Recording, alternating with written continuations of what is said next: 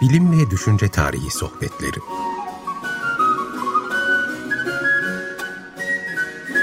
Hazırlayan ve sunanlar Derya Gürses Tarbak ve Doğan Çetinkaya.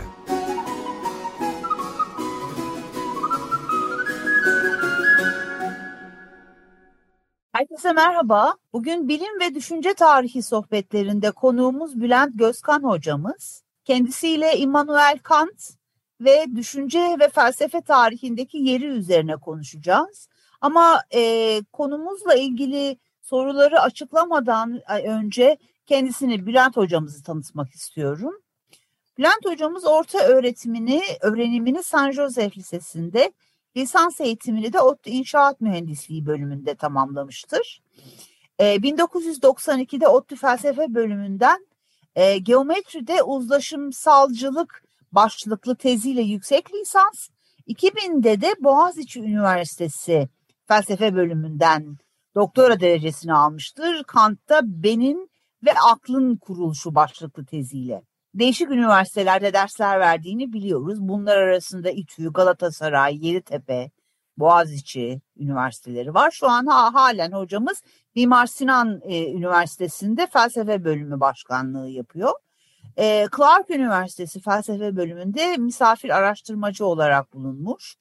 E, şimdi ilgi alanları öncelikli olarak e, Kant, Frege, Wittgenstein, Heidegger mantık ve matematik felsefesi üzerine çalışmış ve halen çalışmaktadır. Çok kısa süre önce yani bir iki sene önce e, Frege'nin Aritmatiğin Temelleri kitabını çevirmiştir. Ve aynı zamanda da Kant'ın Şemsiyesi başlıklı Kant'ın teorik felsefesi üzerine bir inceleme olan YKY'den çıkmış olan 2020 basımı bir kitabı vardır. Hocam hoş geldiniz. Hoş bulduk. Ee, hocam ilk sorumla başlamak istiyorum izninizle. Tabii buyurun. Ee, şimdi sizinle bugün Immanuel Kant üzerine konuşacağız. Aydınlanma nedir metni üzerine konuşacağız ama ikimiz de biliyoruz ki e, bu metni konuşmadan önce bir takım ön bilgiler vermek gerekiyor. Yani e, Kant'ın e, düşünce tarihindeki yeri üzerine zamanımız da el verdiğince neler söyleyebilirsiniz bize hocam? Öncelikle teşekkür ederim size böyle bir konuşma önerisinde bulunduğunuz için. Tabii tüm zamanların herhalde en etkili olmuş düşünürlerinden biri Kant. Yani yaptığı şeyler sadece düşünce tarihi açısından değil, genel olarak hayatın birçok alanlarına da temas eden çok şey yani bu ahlak, bilimden tutun sanat, estetik, hukuk bütün bu alanlara kadar yayılan bir geniş bir etkisi var. Bu anlamda hani aydınlanma filozofu olarak da adlandırılır. Aydınlanma çağının filozofu olarak da adlandırılır. Evet yani yerinde bir de tespittir. Şimdi kısaca Şöyle zamanımızın çok geniş olmadığını biliyorum e, ama e, çok kısaca e, şey yaparsak, alacak olursak bizim yani uzak doğuyu bir kenara bırakalım, onlardan söz edecek zamanımız da yok. Ama işte Orta Doğu ve Grek dünyasını aldığımızda iki hani iki farklı eğilim ortaya çıkıyor. Orta Doğu e, e, ta, ta, tanrılar sonra giderek tek tanrı üzerinden giden ve e, tanrı e, tarafından e, e, yazdırıldığı düşünülen e, kitapların e, belirlenmesi e, etrafında e, bir e, tarih süreci yaşıyor.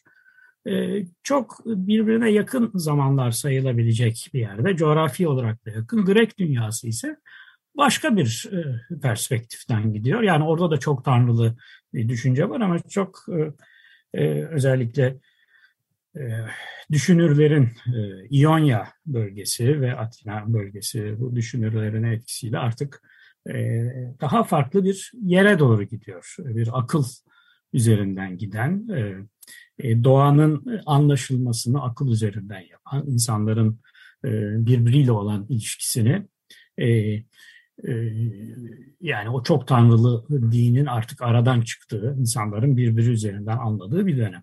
Şimdi tarihin tabii belli bir aşamasında e, Orta Doğu'nun e, e, anlayışı, bu e, e, tek tanrı anlayışı ve e, yani Tanrı'nın yazdığını e, inanılan e, kitaplar e, dolayısıyla bu Grek döneminin de üzerine örten bir hale geliyor. Yani artık insanların yazdığı kitaplar ya da insanların düşüncesi değil, Tanrı'nın düşüncesi ve Tanrı'nın kitabı hakim bir hale geliyor. Bu bir süre sonra tek kitabın yani Hristiyan dünyası açısından Kitab-ı Mukaddes'in, İslam dünyası açısından da Kur'an-ı Kerim'in tek kitabın yani hakikatin bizzat Tanrı tarafından tebliğ edildiğine inanılan bir dönem bu. Dolayısıyla Grek e, düşüncesi burada e, etkisiz kalıyor diyelim. Şimdi bunun simgesel bir tarihi de vardır. Mesela 529 tarihi şu bakımdan önemlidir milattan sonra. Bizans İmparatoru Justinianus Platon'un akademiyasını kapatır. Artık felsefeye ihtiyaç yok. Çünkü bu e, şeyde de mesela e, Aziz Paulus'un e, Atinalılara yazdığı bir mektup vardır. Çok ünlü bir mektup. Orada da çok açıktır. Bırakın artık bu felsefeyi. Değil mi? Tanrı, Tanrı'nın bizzat kendisi konuşuyor. E, yani e, kendi aklınızı kullanmayı bırakın.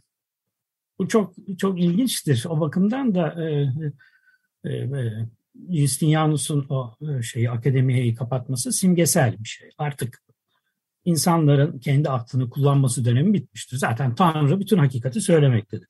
Şimdi buradan hızlıca geçecek olursak e, bunun bütün orta çağa nasıl egemen olduğunu biliyoruz. E, burada yani farklı sesler olsa da bu farklı seslerin nasıl bastırıldığını özellikle siz bilim tarihçisi olarak çok iyi bilirsiniz. Alternatif düşünmenin e, e, yasaklandığı bir e, dönem. Tabii burada bilim tarihinin ama bir önemi de var. Bunu da söylemek lazım. Mesela Kopernikus'un yaptığı şey ki Kopernikus Kant için çok önemli. Kendi yaptığı işi Kopernik devrimi olarak adlandıracak biliyorsunuz. Kopernikus yer merkezli bir evren anlayışı yerine e, güneş merkezli evren anlayışını e, e, öne sürmüştü. Daha sonra Kepler ve Kepler işte yasaları, Kepler yasalarını formüle etti. Galileo kendi perspektifinden olağanüstü bir güçle güneş merkezli evrene ve yeryüzünün kendi etrafında dönmesini savundu. Bunlar niye önemli? Çünkü e, eski ahitte e, bazı çok açık ifadeler var. E, yeryüzünün sabit olduğu, güneşin onun etrafında döndüğüne dair. Tabii ki bu kitabın Tanrı tarafından yazıldığına inanıldığı için sadece tek hakikattir olduğu düşünülüyordu. Ama şimdi bu bilim dönemindeki bu farklılık ortaya şöyle bir şey çıkarttı. Yani mesela Galileo'nun astronomi bilgisi Tanrı'nın astronomi bilgisinden daha yüksek olabilir mi? Yani e, olamaz diye düşünülünce o zaman şöyle şüpheler ortaya çıkıyor. Ya bu Tanrı tarafından yazıldığına inanılan bu kitaplar acaba insanlar tarafından yazılmış olabilir? Bu çok önemli bir şey, e, önemli bir e, dönüşüm. Kırılma değil mi hocam? Efendim? Önemli bir kırılma noktası. Önemli bir kırılma, çok önemli bir kırılma noktası. Şimdi bu tabii daha sonrasında e, Descartes'in kuşkusuz önemi vardır. Ee, ama Descartes e, yine Tanrı merkezli bir e, e, felsefe. Yani Tanrı'nın bu işte birbirinden yer kaplayan tözle düşünen tözü birleştiren bir varlık olarak olduğunu düşünerek felsefesini kurmuştur. Çok önemli bir Descartes. Ona girmemize zaman yok. E, tabii burada bir de e, İngiliz e, Siskoç aydınlanmasındaki e, David Hume'un önemini vurgulamak lazım. E, Kant için o önemlidir. Ayrıca e, Fransız aydınlanması özellikle Rousseau'da Kant için önemlidir. Şimdi dolayısıyla bakın şöyle bir e, Kant'a kadar geldiğimizde e, hani dedi ki tek kitabın hakimiyeti var. Her şeyi zaten. E, insana yer bırakmayan bir bir anlamda yani Tanrı'nın her yeri kapladığı, her şeyi kuşattığı bir dünyadan artık insanın kendi başına, kendi aklını kullanarak bir takım hakikatlere kendisinin ulaşabildiği bir döneme doğru bir geçiş var. Şimdi onun için aydınlanma nedir metnini herhalde konuşacağız gerçi ama oradaki çok kendi aklını kullanmaya cesaret et değil mi bu? Aydınlanma. Evet. Bakın Kant tam tam merkeze e, şey yapıyor, işaret ediyor. Artık e, kendi aklını kullan. Hatta o aydınlanma nedir'in devamında işte benim yerime düşünen bir kitabım hiç, hiç kuşkusuz e, e kutsal e, kitaplara ya da kutsal olduğuna inanılan kitaplara işaret ediyor işte benim vicdanımın yerini tutan bir din adamım olduğu sürece düşünmeme gerek kalmaz artık diye de devam ediyor. Devam ediyor. Evet, evet. doğru. Şimdi Kant'a geldiğimizde Kant e, tabii mesela kendi e, yaptığı e, birinci kritikle yani saf aklın eleştirisiyle kendi yaptığı işi niye Kopernik devrimine benzetiyor? Çünkü Kopernik devrimi ne yaptı? Merkezde yeryüzü sabitken merkezin yerini değiştirdi. Merkezin yerine güneş geçti. Şimdi bu benzetmeyi Kant'a taşırsak e, merkezde e, Tanrı ve aşkın hakikat var. Bunu aşkın terimini e, kullanıyorum. Bu e, Kant bunu değiştirecek. Onun yerine e, insan aklı ve transandantal hakikat geçecek. İnsan üzerinden giden. Yani insanın kendisinin kurduğu. Şimdi bu tabii e, epistemoloji açısından son derece önemli. Ama e, şey, yani aklın e, kendi e, yetileri üzerinden bir e, doğa dünyasını düşünebilmesi, doğa dünyasının bilimini yapabilmesi bu e, epistemolojik perspektiften çok önemli. Ama diğer e, ahlak üzerinden ve tabii daha sonra hukuk üzerinden bu etki Kopernik devriminin ikinci etkisi şu bakımdan da önemli. Çünkü Kant ahlakın zeminini aradığında yine onu işte Kopernik devriminin gereği insan aklından başka bir yerde bulmayacak. Evet. Ve bunu yaparken de bir e, e, işte kutsal metinleri referans olarak almayacak. Onlar bize doğrudan doğruya e, yani ahlaklılığın ne olduğunu şey yapamaz. Bu felsefi bir araştırmadır. İkincisi tarihsel birikimler yani örf, adet, gelenekler, tecrübi alan değil mi? Empirik alan da bana ahlakın ne olduğunu söyleyemez. E, ama ahlakı işte akıldan o meşhur e, ahlak yasası üzerinden e, e, kurabilmek mümkündür. Ve burada da referansımız hiçbir şey değil başka. İnsanın e, kendi aklı, kendi yetileri e, üzerinden kurulu. Şimdi böyle bir merkeze e, insanın insanın aklının yerleştirilmesi demek insana bir anlamda saygınlığını yani yeniden, yeniden demeyeyim falan da neyse o, o başka yerlere göndermeyin. Ama bunu bunu söylemeniz çok iyi oldu hocam çünkü siz bunu anlatırken ben bunu şu şekilde yorumluyorum. Entelektüel bir hümanizm. Evet. İkinci bir entelektüel hümanizm. Ee, yani e, kendi kaderini, entelektüel kaderini kendi eline alacak insan e, şeklinde yorumluyorum ve bununla ilgili sizle biraz daha konuşmak istiyorum ama önce bir müzik arası verebilir miyiz? Tabii ki. Ee, hocam siz seçtiniz müziği. Lütfen bize söyler misiniz bugün bizim için ne seçtiniz?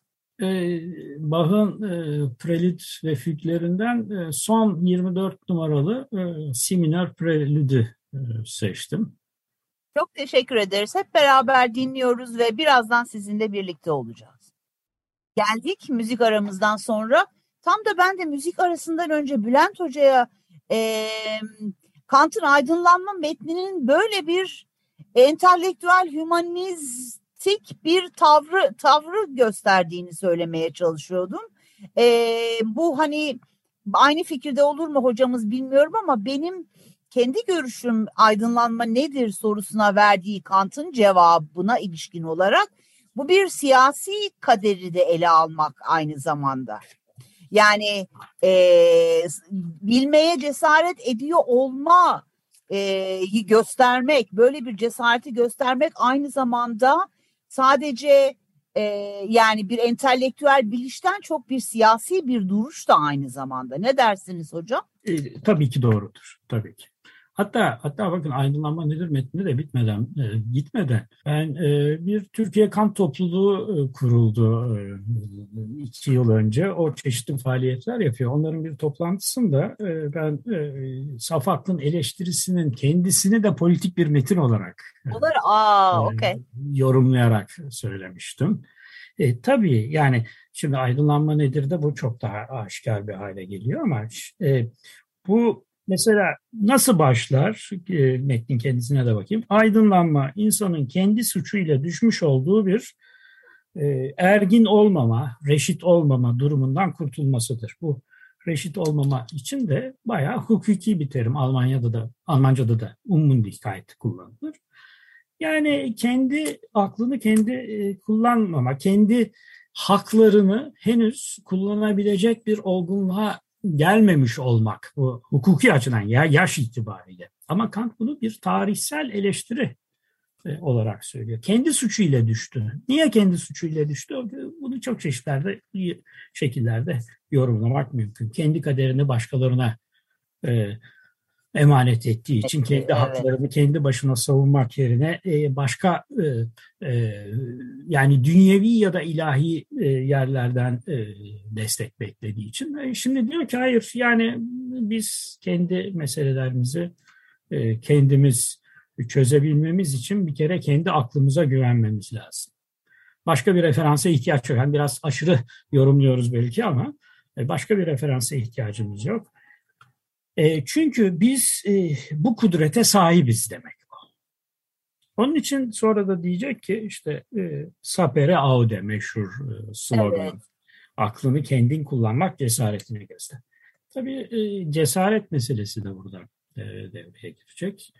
E, yani aklını kullanıyorsun da e, kendi eğer evinde oturup ben aklımı çok güzel kullanayım diyorsan bu pek e, makbul bir şey değil. Çünkü kamusallık çok önemli Kant için. E, e, aleniyet, açık olmak, e, görüşlerini ve eleştirilerini e, bir baskı altında olmadan yapabilmek ve bunun cesaretini gösterebilmek ve bunun için de mücadele etmek. Onun için zaten bu metnin devamında e, hani aydınlanmaya bizi götürecek olan e, şey diyecek, özgürlüğümüzün kullanılmasıdır. Ve buradaki özgürlüğü de ikiye ayıracak. O konuda da dikkatlidir. Mesela aklın özel kullanımı diyecek. Aklın kamusal kullanımı diyecek. Bunları birbirinden ayıracak. Özel kullanımı görevlerimizi yapmak. Yasalar doğrultusunda yasalara saygılı bir e, e, hayatı yani toplum düzeninin bozulmaması gerekiyor. E, dolayısıyla Kant bunu hatta şöyle söyler. E, mesela diyelim ki e, vergi, hayat pahalılığı diyelim. Hepimizi şu anda da ilgilendiren şey. Bundan dolayı vergilerin çok yüksek olduğunu e, düşünen biri vergisini ödememezlik edemez. Çünkü yasa, yasalarla bir yurttaş olarak yasalarla bağlıdır. Ama aynı yurttaş, aynı yurttaş o yasaların adil olmadığını, yanlış olduğunu eleştirmek ve bunun için örgütlenmek, konusunda sonuna kadar özgür olmalıdır. Şimdi eleştiri özgürlüğü, kamusal alanın açılması, aleniyet bunlar tabii hepsi politik e, e, fiiller. Ama buradaki politik e, e, şey, tavır dediğim gibi yasaya saygısızlık değil, yasayı e, dereceli bir şekilde dönüştürecek e, e, yasaları yapmak. Onun için mesela Kant burada hep cumhuriyetçi olarak e, cumhuriyetçiliği savunur. E, dolayısıyla e, e, tek adamların her şeye karar verdiği bir rejimin e, son derece e, büyük sakıncalar içerdiğini ki işte tarihsel birçok deneyim bize yakın plan, uzak plan bunları göstermektedir. E, bunlara e, karşıdır e, ve e, burada e, şey e, e, yurttaşın e, bizzat kendi aklıyla e, politik alana e, müdahil olması ama bunu hiçbir şekilde şiddete başvurmadan barışçıl bir Yapması. şekilde Evet, yapması. evet. Kesinlikle bunları- hocam. Bunları söyleyince tabii Kant'ın Fransız devrimiyle olan ilişkisini de e, kısaca söylemek lazım. Var mı buna zamanımız? Hocam süremiz bitti. Onu bir sonraki programda yapalım mı? Yeniden gelin bize. Nasıl isterseniz. Ee, ama ben de en son bir şey söyleyeyim. Gerçekten e, toplumsal hayatın e, hani koru- korumak şartıyla her türlü siyasi aktivizme yol açan bir düşünce. Doğrudur değil mi bu? Şöyle tabii e, şiddet içermemek şartı. Kesinlikle. Kesinlikle. o- orada bazı onları belki devrim meselesiyle konuşmamız lazım. Çünkü e, Kant Fransız devrimi artık şey değiliz, kayıtta değil miyiz artık? Bitirdik mi? Yok kayıttayız. Ee, hoşça kalın deyip sizle sonra devam edelim olur mu? Olur, olur. Ama ben sizi yeniden kesinlikle bu konuşmanın devamlılığını bir programda daha yapmak istiyorum. Yine gelin lütfen. Olur Derya Hanım tabii memnuniyetle. Çok teşekkür ederim hocam bize katıldığınız için. Çok sağ olun. Çok sağ olun. Hoşça kalın. Herkese iyi bir gün diliyoruz.